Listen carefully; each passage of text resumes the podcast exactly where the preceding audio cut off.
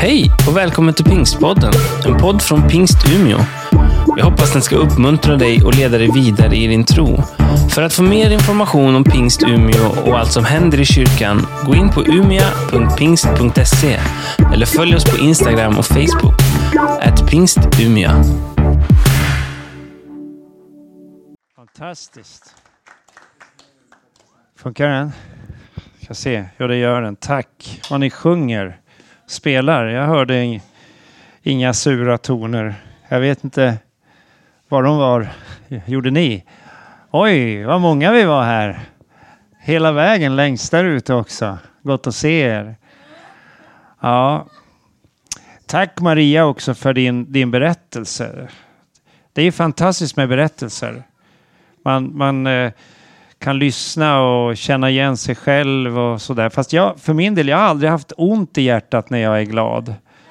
Det, det har jag mest när jag är ledsen. Men det där var ju... Och så din tolkning där av... Um, hon använde ordet omskärelse. Känner igen det ordet? Det är ju...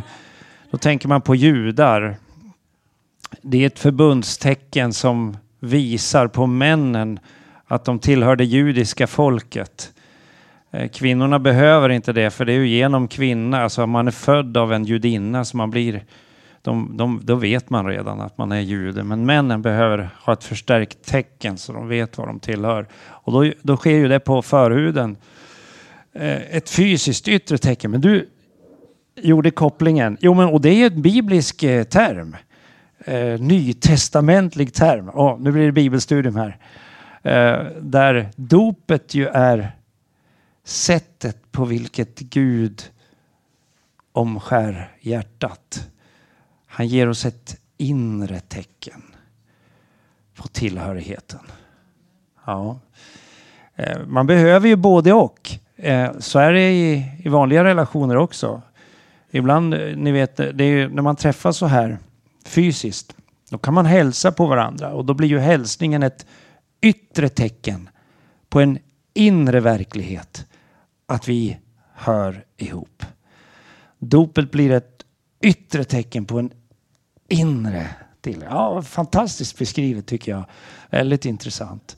Vi ska närma oss en annan berättelse nu som, som man finner i, i Nya Testamentet. Och det är ju, man kan säga att det är, ett, det, det är så Gud förklarar sig själv för oss. Han, han berättar ju massor med berättelser. Om man läser Bibeln så är den full av berättelser. Och den allra viktigaste berättelsen i Bibeln, det är berättelsen om, om Jesus. Därför att det är ju Jesus som ger oss Guds ansikte. Vill vi förstå vem Gud är, på djupet få en personlig relation till, till Gud, då jag menar, det går att få en viss bild av vem Gud är om vi tittar i naturen, i skapelsen. Då kan vi ana vem Gud är. Vi kan se det genom det han har gjort. Men vill vi få en personlig relation, då behöver vi få mötet med Gud. Och det tyckte jag Maria förklarade så, så fint, hur, hur det kan uppstå. Även för den som tidigare bara har haft en allmän relation till Gud, en positiv, ja, min uppfattning av vad du sa nu då, eller en neutral relation till Gud. Alltså han finns där, man vet lite grann om budorden eller Bibeln och så här. Rätt in i en liten sekvens av Jesu liv. Vi är, han har, han, han, han är, eh, han har varit offentligt verksam nu i över tre år. Han är på väg upp till Jerusalem för sista gången. Du vet den där gången när han ska bli korsfäst, dödad, begraven och senare på tredje dagen uppstå. Han, vi möter honom när han är på väg ut ur Jeriko. Är det är det någon som har varit i Israel? Ja, det är ju ett helt gäng. Då vet ju ni att Jeriko ligger nere, ganska nära Jordan. Inte så långt ifrån, alltså närmare Döda havet än Genesarets sjö. Det ligger 250, nästan 300 meter under havet. Och Jerusalem ligger ju 700 meter över havet. Så det är ju en, ett högt berg framför honom. Han är på väg ut ur Jeriko. I Jeriko Alltså på vägen in i Jeriko så och på vägen in till torget så eh, möter han ju en av dem som var intresserad av att få reda på vem, vem Jesus är. Han heter Sackeus. Känd ifrån alla som har gått i söndagsskolan någon gång. Mannen som var kort till växten som klättrar upp i ett träd för att se och möjligen få höra Jesus men som förmodligen tänker att Jesus inte är intresserad av hans liv med tanke på hur han lever. Han, eh, vi, vi kan ana att han eh, inte är så noga med, med hur man hanterar pengar. Vad som är hans eget och vad som är andras. Och så utnyttjar han sin position. Han är inte riktigt säker. Har jag tagit ut för mycket av någon när, jag, när de har betalat skatt så ska jag betala tillbaka, säger han i slutet på berättelsen. Jesus ser Sackeus, alltså en person som inte är gillad varken av romarna eller av judarna. Jesus går hem till Sackeus, han äter och dricker tillsammans med honom och, och delar livet med Sackeus. Och, och, folk undrar ju, jag menar, börjar ifrågasätta Jesus och tänker att eh, så där borde man inte göra om man är ren och rättfärdig. Då borde man inte umgås med sådana som Sackeus. Och det här är ju en del av det som är grejen med Jesus. Att han är särskilt intresserad av människor som är i marginalen. Som inte tycker sig borde vara medräknade. De går han hem till. Och så säger han att Människosonen har inte kommit för att eh, liksom, hjälpa de som är friska. Utan han har kommit för att söka efter den som är förlorad och finna det. Nåväl, på väg ut ur staden. Vi kan ana att han har haft en, en, en busy, några busy dagar.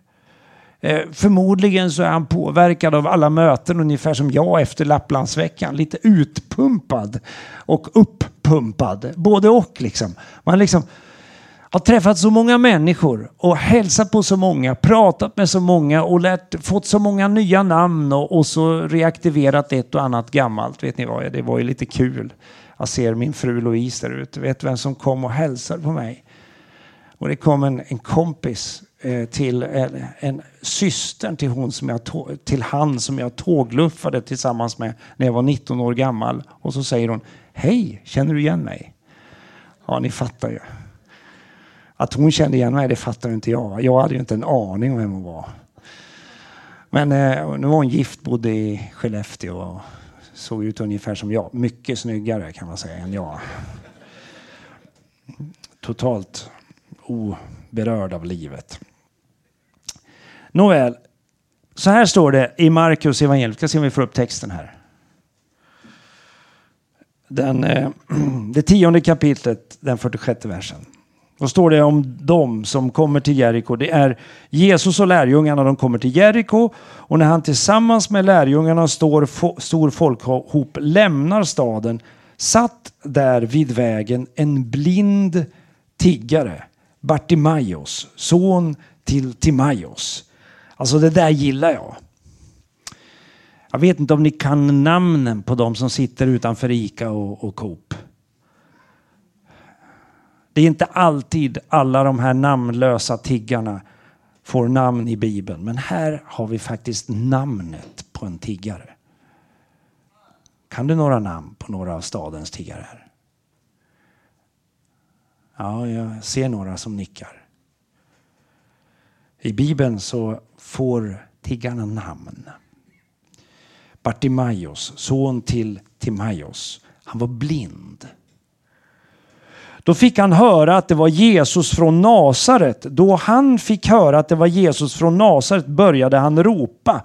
Av det kan man ju förstå att Bartimaeus visste något om Jesus.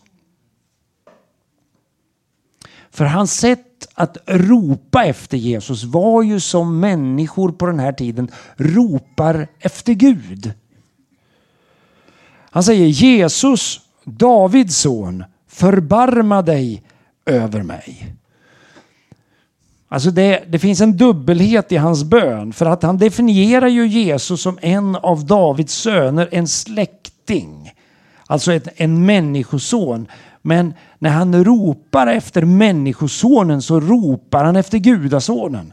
Förbarma dig över mig. Och då händer ju det som eh, tyvärr händer fortfarande. Många säger åt honom att hålla tyst. Alltså nu vill till och med Kristdemokraterna förbjuda tiggeriet. Jag fattar inte. Många säger åt dem, ja, men får, du får tigga någon annanstans, du får gå till ett annat land. Alltså vad gör vi när vi möter människor som ropar efter hjälp? Alltså ibland, så är det för mig ibland, ibland möter jag nöd som är mycket större. Jag fick ett sms precis innan här en av våra medarbetare som skriver, kan du be för mig? Jag är hemma hos en... Och så vidare. Där situationen är fruktansvärd. Och jag svarade, vi ber med dig. I det sammanhanget var det droger och missbruk och kriminalitet inblandat. Alltså ibland möter man nöd som man inte vet själv hur man ska klara av. Men att säga till den som har nöd, nu får du hålla tyst. Vad är det med oss människor som gör på det sättet? Hur kan vi bli sådana?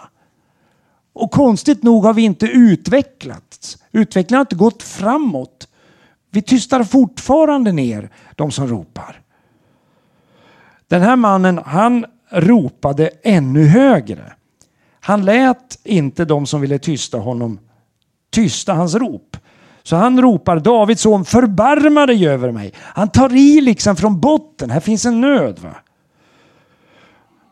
I berättelsen här står det att Jesus stannade. Alltså av det kan vi dra slutsatsen att när en människa ropar på Jesus så gör det någonting med honom. För mig blir det en, en viktig del i förståelsen av vem Gud är. Gud är inte neutral inför människans rop. Den Gud Jesus berättar om, han stannar och frågar efter den som beder.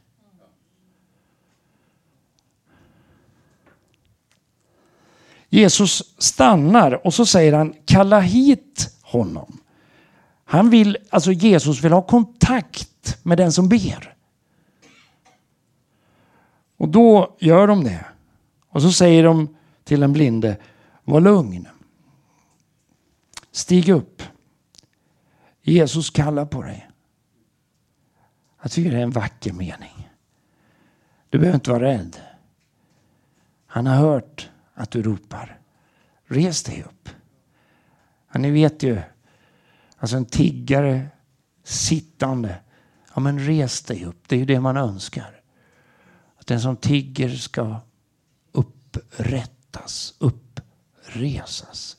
Och få komma hela vägen fram till den som är Guds son. Så jag tycker det är så vackert beskrivet. Då kastar han av sig manteln, han springer upp och kommer fram till Jesus. Och då händer det, då har vi, då kommer den här frågan som ju är jag menar, i vilken religiös skrift möter vi en Gud som frågar en blind tiggare vad vill du att jag ska göra för dig? Det här har till och med påverkat svensk socialtjänstlag. Det här, det här tänkandet. För i, i, den svenska socialtjänsten så kommer man inte med ett program utan man vill involvera den som är i behov av socialt bistånd. Man frågar vart är du på väg? Vart vill du någonstans? Och när det fungerar väl, då får man tag i biståndstagarens vilja. Och då blir ju upprättelsen så mycket bättre. Jesus, det här visste ju Jesus. att ska det ske någon verklig förändring i den här människans liv så kan jag inte bara få tag i människans känsla. Det räcker inte bara med människans förstånd. Jag måste få tag i människans vilja så att hela personligheten blir involverad. Jag tänkte på det, eh, nu återknyter jag till dig igen Maria, men till din berättelse där du gör en känslomässig erfarenhet som väcker en längtan, som skapar en förståelse av vem Gud är, både erfarenhetsmässigt men också genom undervisning, som sen leder fram till ett viljemässigt beslut som dessutom involverar kroppen. Dopet i vatten. Det är ju så konkret. Den här mannen han reser sig upp, han kommer fram till Jesus och han får frågan Vad vill du? Bartimaios, Timaios son, att jag ska göra för dig. Vad skulle du ha svarat på den frågan? Eller vad svarar du på den frågan om Jesus frågar dig? Vad vill du att jag ska göra för dig? Och då, eh, om vi tänker oss att du får svara tre gånger. Så att du kan liksom klara av den där första frågan. Ja, men en miljon på banken hade ju varit bra. Typ, nej, tio. Förlåt, tio vore bättre. Då vore jag oberoende resten av... Ni vet, det, det kommer väl till oss allihopa att visst skulle det vara skönt att slippa tänka på pengar. Men vad hjälper pengarna när olyckan inträffar? Eller när cancertumörerna fått greppet om kroppen och man märker att nu är livet på väg att tyna ut. Forskningen kommer inte hinna ikapp och lösa den här metastasproblematiken som jag lever med. Vad, vad, vad hjälper pengarna då? Okej, okay, då är den frågan avklarad. Du får en, en chans till då. Ja, då kanske du svarar som eh, ja, i de, en del om du, som Voltaire till exempel. Jo, men jag vill bli ung på nytt. Jag vill få tillbaka min ungdom. Jag vill bli 19 år igen. Har hela livet framför mig. Ja, en av de stora berättelserna när, när människan svarar så, så, så får, då är det inte Jesus som frågar utan djävulen som frågar. Och, och, då är ju den enda lilla problemet där då är att om du ska få ungdomen på nytt igen, då måste du tillbringa evigheten med djävulen. Ingen rolig berättelse. Slutar olyckligt. Okej, okay, vi har klarat av de där två första frågorna. Vad blir ditt den tredje gången då? Nu när du ska svara på riktigt. Vad vill du att Jesus ska göra för dig?